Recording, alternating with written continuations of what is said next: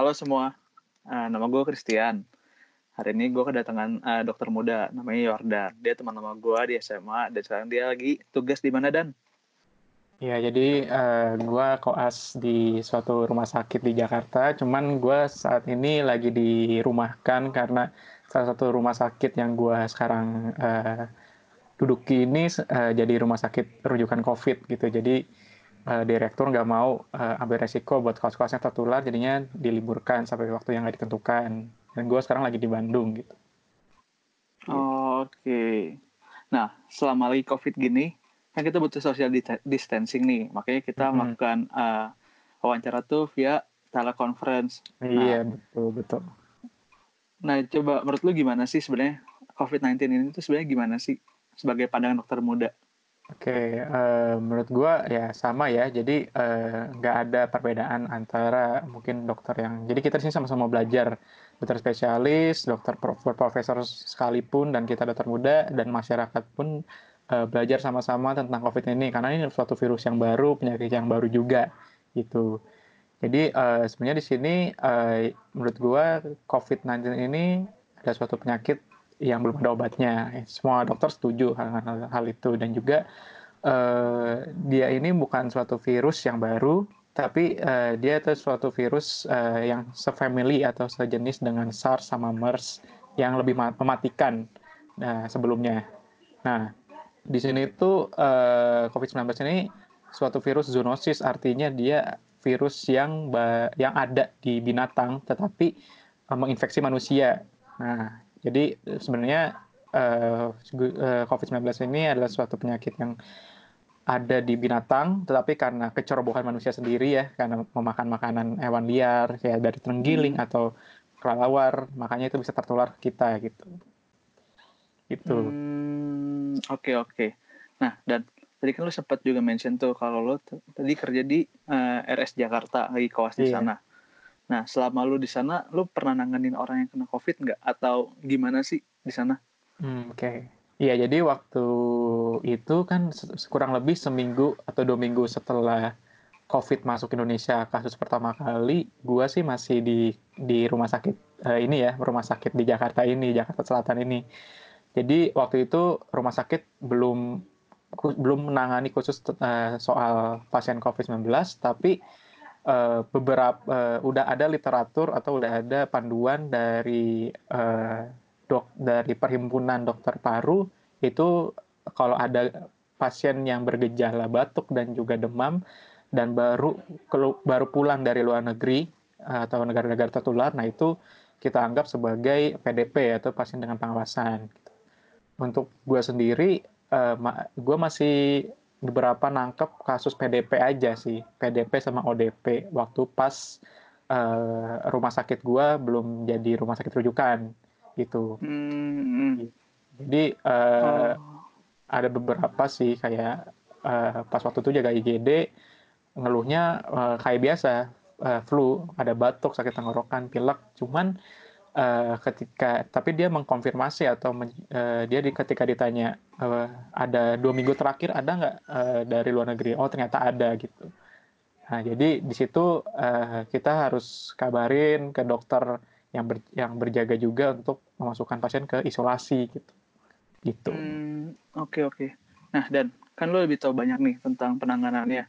Sebenarnya hmm. kalau misalnya nih amit-amit uh, gua terinfeksi corona apa yang gua harus lakuin sih sebenarnya Oke, jadi uh, kita sih kita nggak akan tahu ya kalau misalkan kita terinfeksi atau enggak gitu.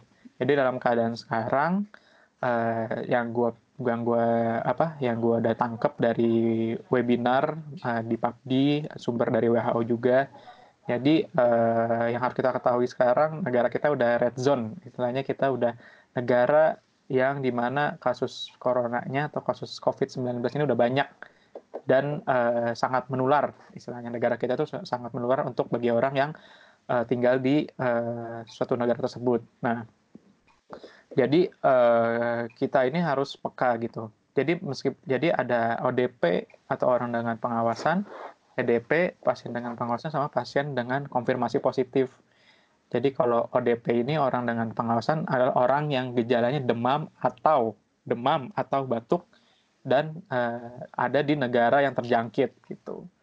Jadi hmm. untuk masyarakat-masyarakat di sini harus aware nih kalau misalkan udah mulai demam, panas atau batuk, nah itu uh, eh, ODP. Nah itu harus segera kita lakukan pemeriksaan uh, tes COVID gitu.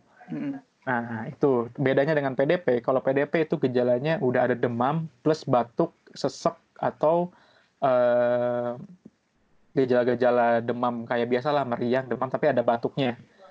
Batuk, sakit tenggorokan, terus juga ada uh, sesak nafas tiba-tiba. Nah, itu kita curiga PDP itu pasien dengan pengawasan. Itu juga harus segera dirawat di rumah sakit dan harus segera dilakukan pemeriksaan gitu. Mm -hmm. Oh, oke. Okay. Kalau misalnya gue udah diperiksa nih, terus yeah. ternyata hasil tes gue positif, apa yang gue harus lakuin? Oke, okay. kalau misalkan uh, yang pasti sih kalau misalkan udah harus positif, uh, yang pertama-tama ya lu harus jangan panik dan pasti lu harus dirawat gitu. Nggak mungkin nggak harus dirawat harus dirawat minimal 12 uh, 14 hari, dua minggu gitu. Dan okay. uh, lu itu jangan panik. Kenapa? Kalau panik tuh istilahnya lu ter mulai depresi atau cemas segala macam takut takut adanya uh, komplikasi uh, kematian segala macam gitu itu harus kita uh, apa kita jangan jangan takut dulu yang pertama. Yang kedua yang penting isolasi. Jadi lu harus isolasi diri dahulu se uh, sembari menunggu tes itu uh, terkonfirmasi atau positif gitu. Mm -hmm. Tuh. Okay, nah, okay. kalau udah positif ya lu harus harus dirawat, harus dirawat ke RS rujukan yang ada di uh, di daerah lu yang terdekat lah pokoknya. Mm. Oh, dan uh, ya. tapi kan ini kemarin tuh sempat ada tuh yang yang uh, wacana katanya kalau nggak terlalu parah dan masih bisa ditangani sendiri dengan uh, di karantina di rumah sendiri itu benar atau enggak sih? Oke, selama dia ODP, selama dia ODP itu benar. Jadi selama dia ODP itu benar harus isolasi mandiri di rumahnya masing-masing gitu dan jangan sampai ketemu ke eh, keluarga ataupun teman-teman kerabat yang lainnya dulu gitu. Itu benar. Mm -hmm. Tapi kalau udah jadi PDP itu harus dirawat tapi menunggu tesnya. Oh, oke okay, oke. Okay. Nah, itu kan bentuk yang udah terkena nih. Kalau misalnya yeah. uh, kita yang sebagai orang sehat-sehat aja buat pencegahannya sebenarnya gimana sih? Oke, pencegahan yang pertama ya benar itu yang diusulkan oleh pemerintah ya stay at home, hindari kerumunan, social distancing, physical distancing, dan hmm. juga uh, jaga kebersihan semaksimal mungkin gitu dengan mencuci tangan terus juga makan makanan bergizi yang mengandung vitamin C tinggi sayur buah segala macam terus juga uh, hindari uh, kalau batuk ya etika batuk yang benar cuci tangan yang benar kan udah hmm. udah di share ya sama Kemenkes bagaimana etika batuk yang benar gitu gitu hmm oke okay, oke okay. nah hmm. so gimana dan lanjut Iya, dan juga ini sih kalau uh, beberapa literatur yang gue baca, untuk mungkin yang sekarang kan uh, pas banyak orang yang masih di luar sana bekerja gitu ya, atau misalkan uh, uh, apa masih beraktivitas di luar garda terdepan, nah, mungkin itu bisa uh, mencegahannya dengan meminum tambahan vitamin C. Hmm, vitamin C itu sebenarnya penting atau enggak sih sebenarnya kalau buat kita? Oke, buat kita yang sehat-sehat aja, yang masih stay at home di rumah itu nggak begitu penting. Mungkin bisa dengan konsum, konsumsi uh, makanan dan buah-buahan itu juga udah cukup gitu memenuhi standar vitamin C per hari. Mm -hmm. Gitu. Kalau misalkan oh, untuk orang-orang okay. orang yang mm, yang masih di luar, yang masih bekerja, mungkin Gojek atau mungkin uh, polisi segala macam, perawat itu masih disarani minum vitamin C setiap hari. Hmm, oke oke. Nah, kalau gitu dan kan yeah. juga banyak nih berita-berita uh, yang simpang siur apalagi terutama penyebaran itu via WhatsApp ya. Yeah. Nah, coba menurut lu tanggapan lu gimana sih tentang berita-berita kayak gitu? Apa ada mungkin atau lu punya tahu nih sebagai uh, mahasiswa koas atau bisa atau bisa hmm. gue bilang dokter muda ya. Mm -hmm. Sebagai dokter muda, lihat berita-berita itu kan pernah sih lu pernah dapat juga berita-berita kayak gitu coba yeah. satu berita yang menurut lu dan, dan lu beritanya lu dapat dan lu mm -hmm. tahu itu hoax itu apa yeah. gitu yang perlu lu klarifikasi ke orang-orang oke okay. Hmm, beberapa sih ya. Ini sih uh, yang gue bikin agak sedih ya itu apa yang stigma-stigma uh, masyarakat kita terhadap ODP atau PDP yang sangat-sangat apa ya, sangat meresahkan pasien dan juga meresahkan masyarakat gitu. Jadi sebenarnya uh, di sini tuh uh, kan ada berita ya kayak misalkan suster atau misalkan perawat, dokter ataupun ODP yang kayak di yang ditolak sama masyarakatnya sendiri gitu ya. Gitu. Mm -hmm. Itu uh, menurut gue adalah miskonsepsi dari masyarakat gitu. Emang penyakit ini berbahaya, emang penyakit ini menyebabnya dengan cepat.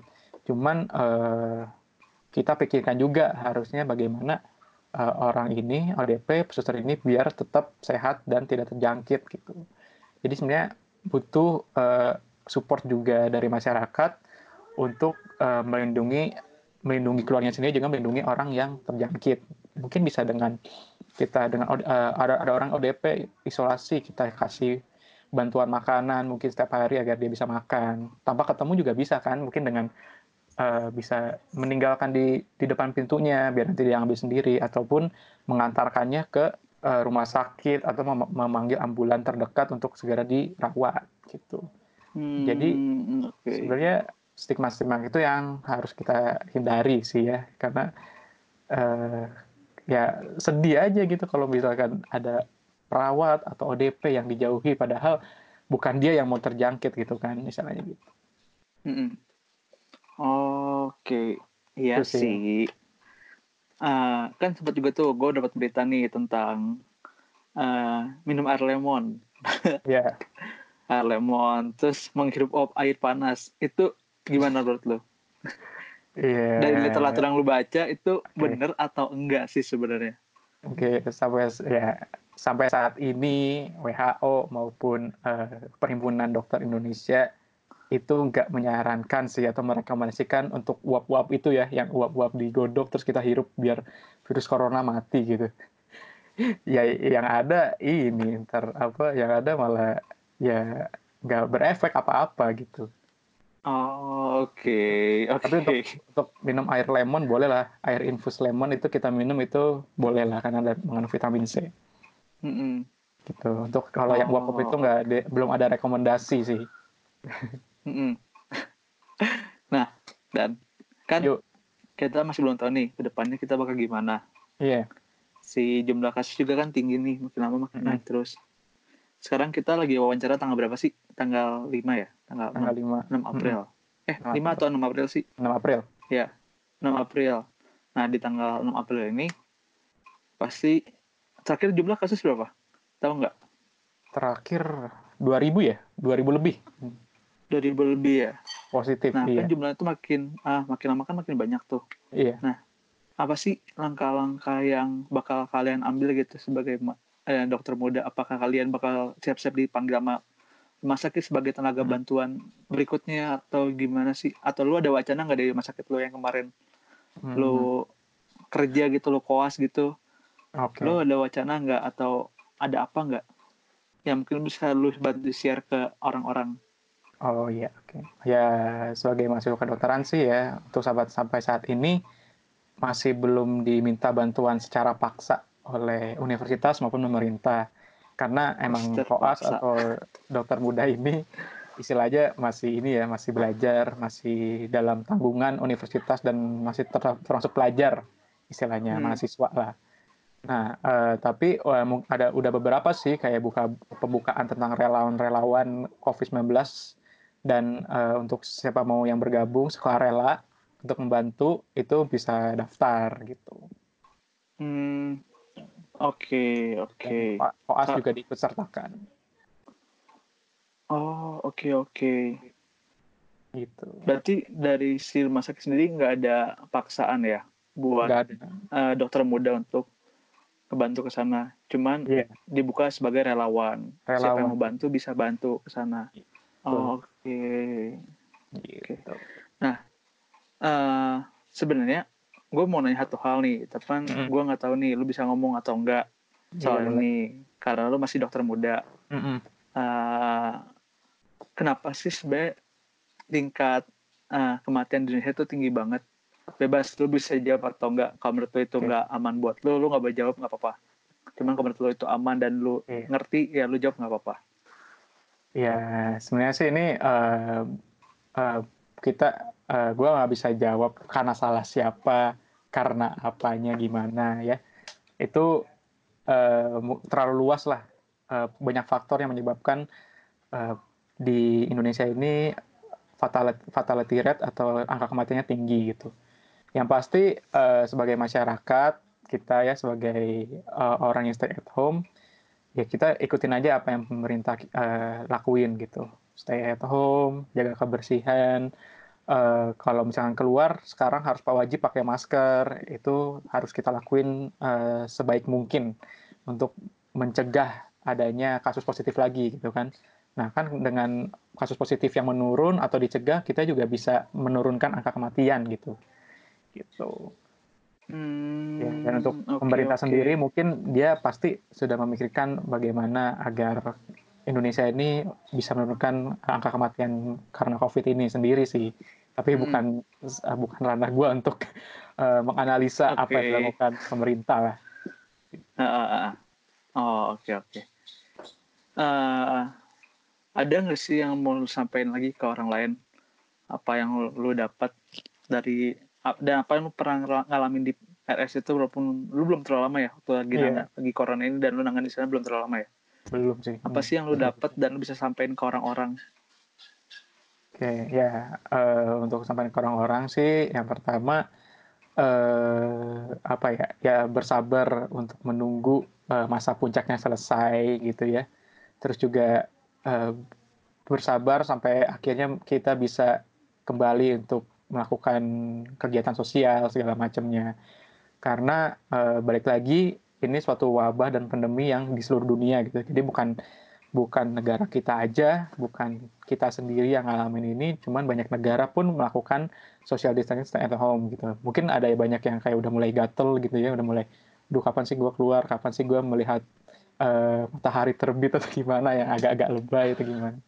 Jadi ya bersabar aja gitu, karena eh, pasti ini bakal berlalu juga gitu ya. Mungkin emang agak lama, tapi pasti akan berlalu. Dan pasti semua eh, semua instansi yang ada bekerja dengan sebaik-baiknya dan juga tetap jaga kesehatan aja sih untuk yang eh, apa yang ma yang udah mulai nggak sabar ya sabar lah stay at home jaga kebersihan eh, dan kalau misalkan ada gejala-gejala demam atau segala macam langsung ke rumah sakit untuk diperiksa itu sih. Sama ya satu lagi pesan dari gua virus ini eh, menurut gua sangat cepat ya. Menurut gua gua gue tuh sampai yang mikir kayak ini ini vi- virus F1 banget gitu. Kayak buset ce- cepet banget. Nggak nggak ada tanda apa apa bisa nularin nularin nularin gitu. Gitu. Ya makanya dari situ kita harus benar-benar mencegahnya untuk tidak terjadi lagi sih. Gitu. Mm. Oh, oh iya dan gue ingat satu hal. Eh, soal hand sanitizer. Mm-mm. sebenarnya itu bisa membunuh virus corona nggak sih? Sedangkan kalau kita lihat ya di Iya. hand sanitizer sendiri itu adalah gitu eh, antibakterial atau enggak eh, pembunuh bakteri tercepat. Mm-mm. Tapi kan bukan bunuh virus. Oke, kalau soal itu sebenarnya eh, bisa sih untuk mencegah mencegah penularan virus gitu. Jadi ada dua cara. Jadi kan kalau yang pakai hand sanitizer itu kalau tangan kita terlihat bersih, cuman eh, kita nggak yakin ini ada bakteri atau enggak atau virus. Nah itu kita bisa boleh gunakan hand sanitizer. Cuman eh, yang lebih efektif lagi sebenarnya untuk membasuh itu semua bakteri virus itu dengan cuci tangan dan air mengalir tuh biar si virus-virusnya ini nggak menempel pakai sabun jatuh ke eh, saluran pembuangan gitu sih istilahnya Hmm. Gitu Oh. jadi sebenarnya hand sanitizer eh, ampuh nggak sih ampuh sih menurut gua cuman kita lihat dulu tangan kita juga kalau tangan kita kotor banyak ada apa tuh kotor-kotoran entah kotoran pasir atau kotoran cairan itu mending cuci tangan kita eh, dengan air mengalir gitu Hmm, oke oke. Nah, dan kan ada dua tuh hand sanitizer yang ada alkohol dan nggak ada alkohol. Kita pilih yang mana? Alkohol nggak ada alkohol hmm hand pakai yang ada alkoholnya sih menurut gue ya karena uh, etanol, mengandung etanol, alkohol jenis yang etanol itu lebih efektif hmm. sih dan dipakai di rumah sakit juga sebagai antibakteri dan anti ada efek antivirusnya juga. Oh oke okay, oke. Okay. Gitu. Paling gitu aja dan thank you hmm. banget udah okay. ngobrol-ngobrol dan tadi udah mau dibantu, dibantu juga siap, ngasih siap. sarannya dan ngasih pencerahannya juga terutama buat gue yang belum ngerti terlalu banyak okay. soal ini. Thank you banget. Siap. Uh, apa gitu aja. Thank you juga. Dadah. Yuk, thank you ya.